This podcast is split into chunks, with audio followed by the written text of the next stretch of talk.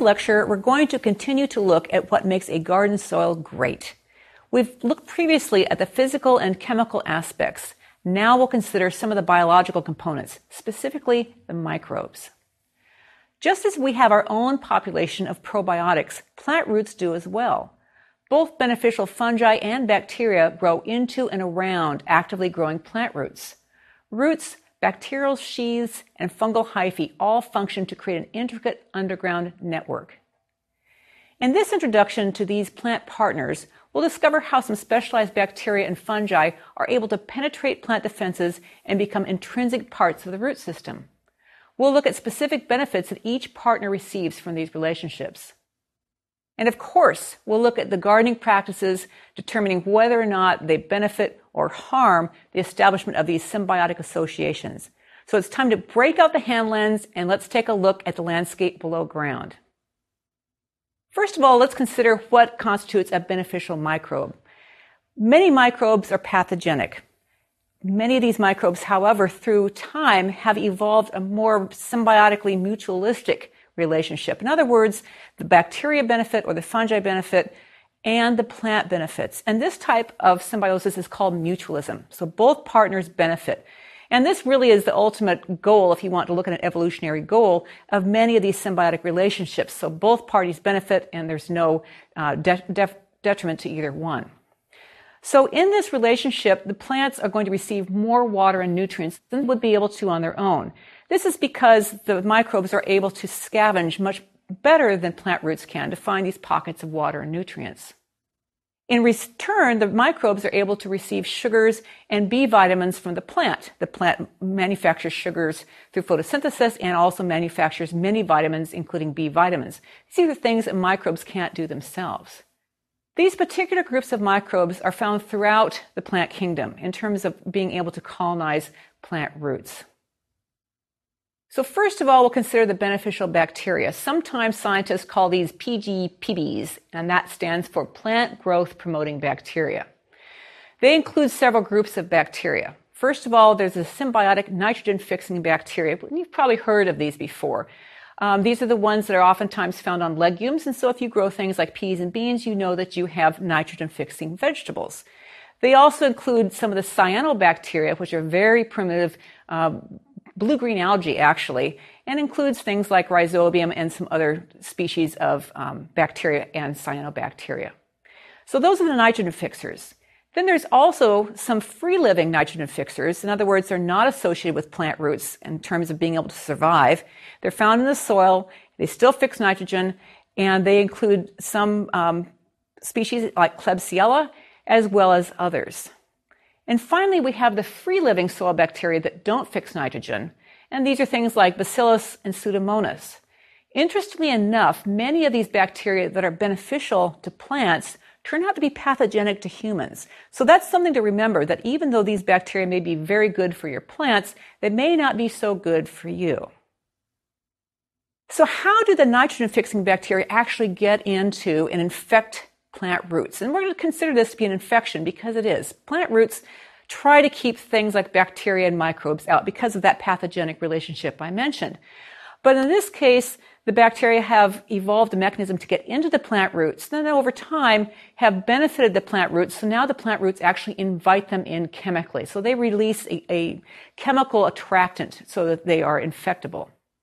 So the spores of symbiotic bacteria are in the soil all the time. Um, the only exception to this would be if you have a very degraded soil that has no life, and then you may not even have the spores of these bacteria. So the spores are there all the time, but they only become active if they are invited to become active. So if the appropriate plants have to be there, these obviously are things that will accept nitrogen fixing bacteria. So the roots um, give off a signal and the spores germinate. They infect the roots and they create nodules inside of the roots. And you can see this when you dig up your, your legumes. You'll see these little uh, round nodules on the roots. And these nodules are really cool because what they are is they're little oxygen-free uh, environments. Um, bacteria must have an oxygen-free environment to fix nitrogen. So this is a spot that's kept oxygen-free. And the re- reason you can tell um, that's, that's oxygen free is because there's a red pigment that binds the oxygen. It's called leg hemoglobin. So legume hemoglobin, we have hemoglobin that's red, and leg hemoglobin is also red. So when you see that redness, and sometimes people think their plant is bleeding, you know, it's actually this pigment that's keeping the oxygen away from those bacterial nodules.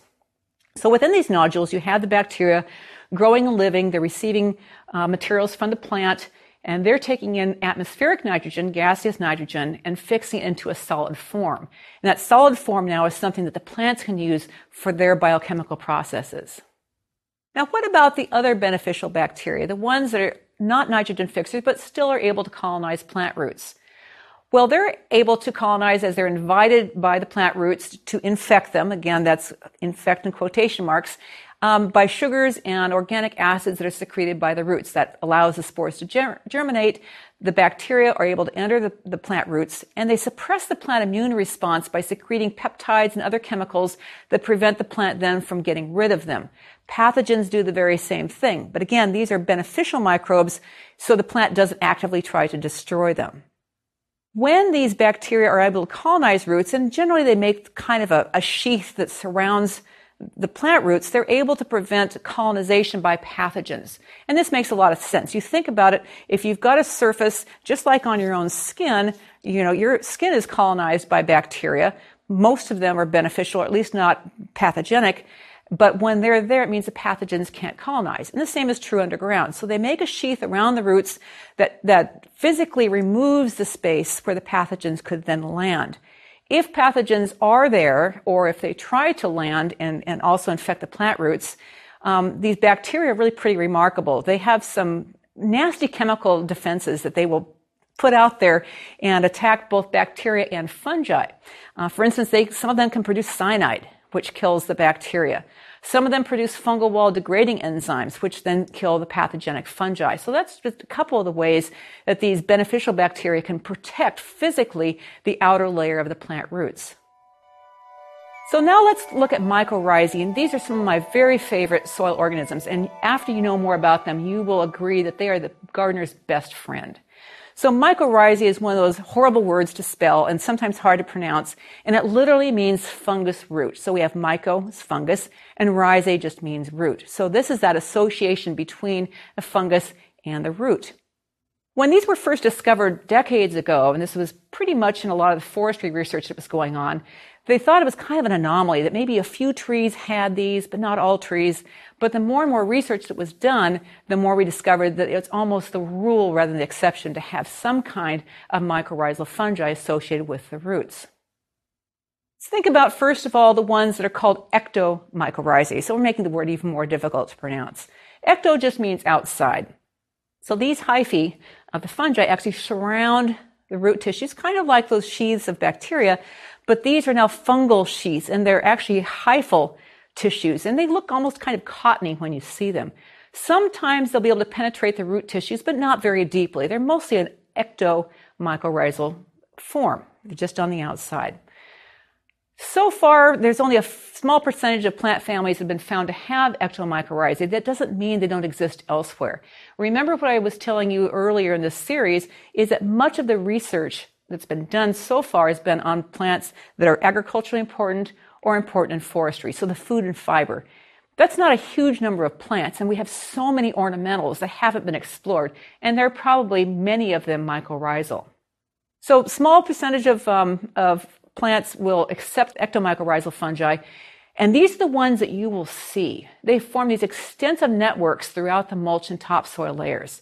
Um, they will get into the, uh, the especially a woody type of mulch, and they make this big network that, that connects the wood chips to the topsoil to the roots. And you can see these if you happen to find a piece of wood chip mulch that's dried out.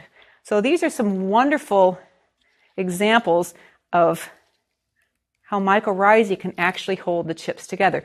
This will be important later on in the series when we're talking about how to uh, retain water and, and reduce erosion. Now let's consider the endomycorrhizae. These are ones that are inside the plant root. So endo means inside. So these hyphae always enter the root cells. And as opposed to the ectomycorrhizae, they don't spread widely through the soil and into the, the wood chip mulches. They pretty much just stay right around the roots. They, however, are found widely through hundreds of plant families. These are the ones that tend to be every place um, that you have soils and plant roots. And the ones that are most common, and I think the most interesting to see um, pictures of, or at least see in the microscope, are the ones that are called arbuscular mycorrhizae. And arbuscule is a Latin word that means small tree. So arbor is tree and scule means small. And when you see these things under the microscope, you'll see the cells, and inside the cells that have the arbuscular mycorrhizae, it looks like a little tiny tree because the, the fungi has penetrated through the cells in between the cell walls, gets into one cell, and then just kind of blossoms into what look like little tiny trees. It's really fascinating um, and, and beautiful. So how do mycorrhizae infect and colonize plant roots? So again, we're using that word infect because long ago, before it became a, a, mutualistic relationship, it was probably a parasitic one. So they're infecting colonized plant roots, but it's a benefit to both parties. Again, just like the probiotic bacteria, they're repositories of mycorrhizal spores in coarse organic matter in the soil. And especially important is that you need to have woody material here. So uh, having finely ground compost and these other materials is not nearly as good for the mycorrhizae. They need to have decomposing wood because they, especially the ones that happen to be um, ectomycorrhizal, they will penetrate and attach to those wood chips. The spores will germinate under moist and aerated conditions. So the soil has to be uh, relatively moist but not soggy, and it has to be aerated. Oxygen has to be present. If the roots are receptive to these particular um, types of mycorrhizae, they will release again a chemical cue to invite the mycorrhizal spores to penetrate them. So the hyphae will penetrate the cell walls and in some cases get way into the cells, but in any case, they create passage, passageways between the, the plant roots and the mycorrhizae and then possibly other plants. So when we talk about networks, we're really talking about plants being connected to other plants through these fungal channels. The hyphae will create these cottony sheaths, as I mentioned before, around the roots and they extend far into the soil. And oftentimes we'll have multiple hosts. So if the fungi aren't particular about what plant roots they can affect, that means that you will have possibly signals going from plants of one species to another. This is one of the things that hasn't been widely explored yet, but it's fascinating to think about this underground network and how it might foster plant communications. And think about this as we talk about what we tend to do as gardeners when we're working with our soils. And you'll see why the, the, the, the no disturbance approach is really kind of important. So this network, what does it actually do? So you've got, you've got your plant roots, and, and actually you have um, these hyphae are only attached to the, the small actively growing roots. The big woody roots aren't, aren't attached. But you've got a network and you've got all these fine hyphae that, that go through the soil. And what the hyphae do is they explore pockets that plant roots can't get into. So they find water and they find nutrients much more effectively than plant roots can. So that's one thing they do is they can acquire and transfer nutrients and water to the plant much better than the plant can do itself. The second thing it does is it increases soil aggregates. So just like with the big chunk of wood chips I showed you, it also does this in the soil. And when you dig up soil and see this, you'll see these, um, you will have fine roots and you'll have things that are even too fine to be roots. And you've got clumps of soil attached and those are soil aggregates. And that helps with, with drainage. It helps with aeration. I mean, a clumpy soil is a good soil. The third thing that these networks can do is improve soil stability. The fact that you've got all these hyphae and roots that are running through the soil and into the mulch means you are really reducing the possibility of erosion. Compare this to a bare soil, which easily is wind blown, taking it down to bedrock. Uh, it gets wet and it washes away. You don't see this happening with soils that are colonized by these mycorrhizal networks. The fourth thing they do is enhance organic matter decomposition. I already mentioned how important wood chips are or some kind of woody debris on the soil surface of, of these landscapes because this is uh, part of the food source for the fungi. So they get some of their nutrition from the plant, but they also use decaying wood uh, to grow as well. So it's really important to have that, and they will enhance the breakdown of that material. So you can think about this um, when you think about what is important for mycorrhizae to develop. Mentioned water. So this is why dry environments like deserts don't have very much organic matter decomposition because they don't have a lot of these, these fungal partners to work with. It's just too dry for these networks to develop. The fifth thing that happens is that mycorrhizae will acidify the root zone. Now, one of the things that's very important in terms of nutrient uptake is to acidify um, the soil so that certain nutrients become more available. So you, you, and you've probably heard of this before if you're in uh, alkaline root, uh, alkaline soil area, that it's important to acidify it sometimes so that certain uh, nutrients can become more available. Generally, these are things like metals, like iron and other types of positively charged things. You need to have the soil acidified so that those things can be taken up more easily. And so mycorrhizae do this. They exude acids into the soil as well, and they make it more acidic, meaning it's easier to take those nutrients up out of the soil. There's quite a bit of documented evidence for both mycorrhizae and for plant growth promoting bacteria in terms of what they do for the plant. So we already know what the plant does for them, but there's been a ton of research looking at measurable outcomes for using these things, especially with crop plants. So we know already that they will both increase soil organic matter, especially the mycorrhizae because they break down um, larger pieces of debris into things that are, that are more soluble. Secondly, they will solubilize and increase the uptake of phosphate. Many plants can be limited by phosphate, especially if you get into a more alkaline environment. And the fact that the root zones are acidified means it's easier to take up phosphate. And they are particularly adept at taking up phosphate of, of many of the other nutrients much better than plants can. The third thing is yes, they can take up other nutrients as well as the phosphate. Just the fact that they are small, they can get in these little pockets where roots can't reach, and they can acidify that area and just suck up the nutrients and make them available to the plant.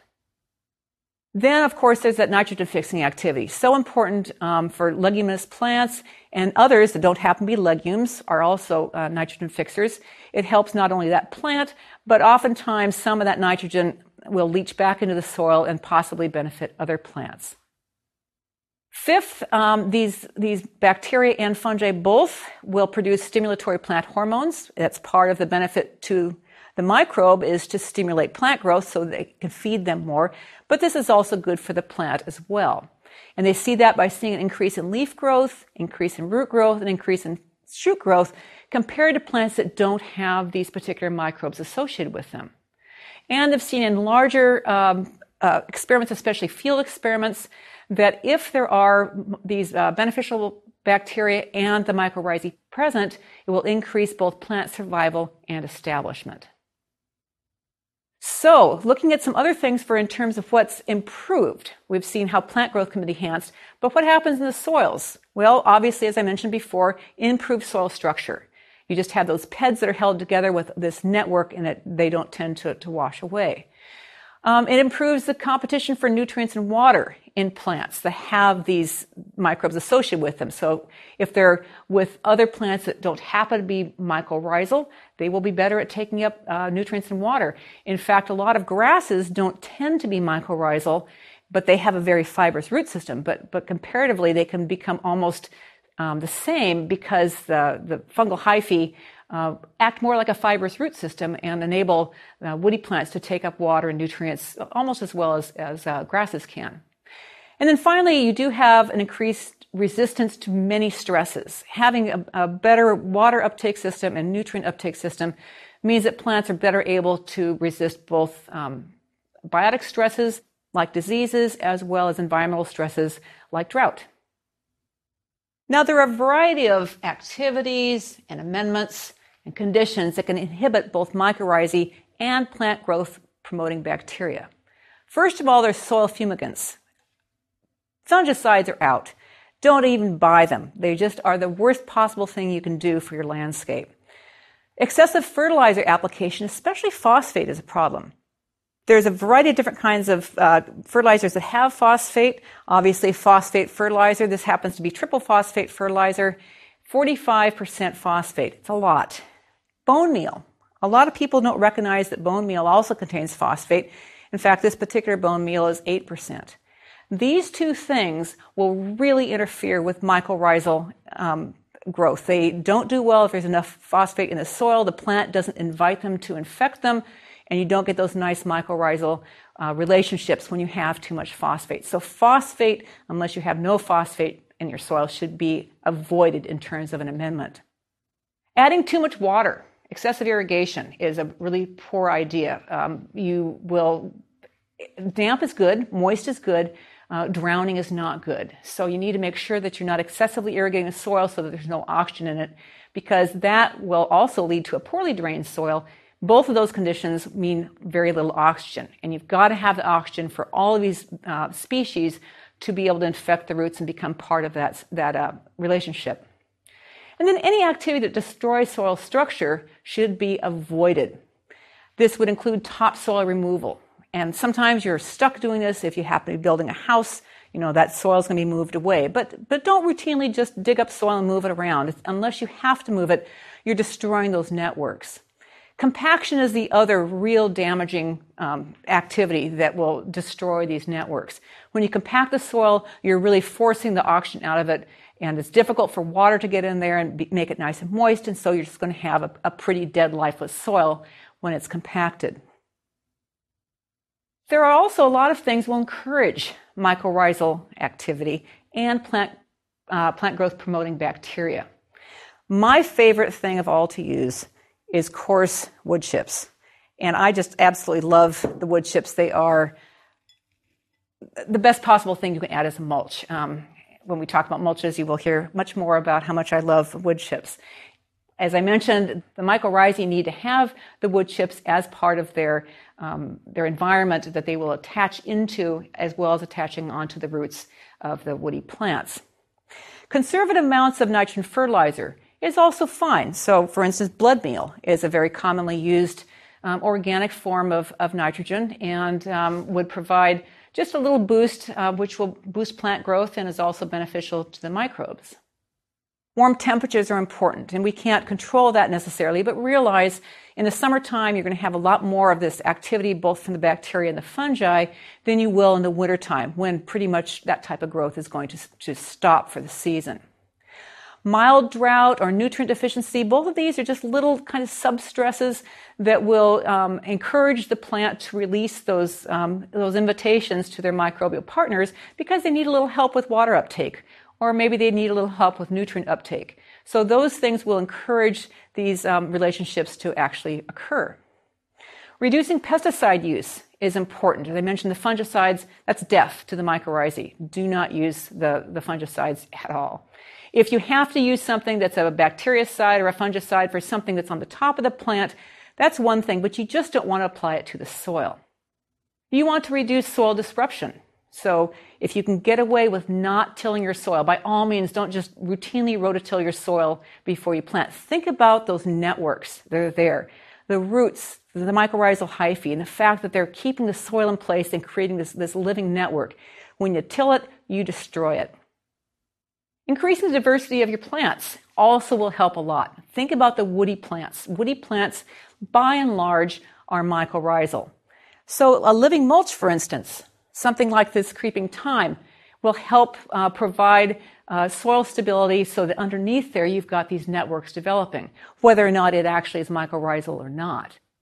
Um, mycorrhizal species, woody plants in particular, you know, most trees and shrubs are probably going to be mycorrhizal.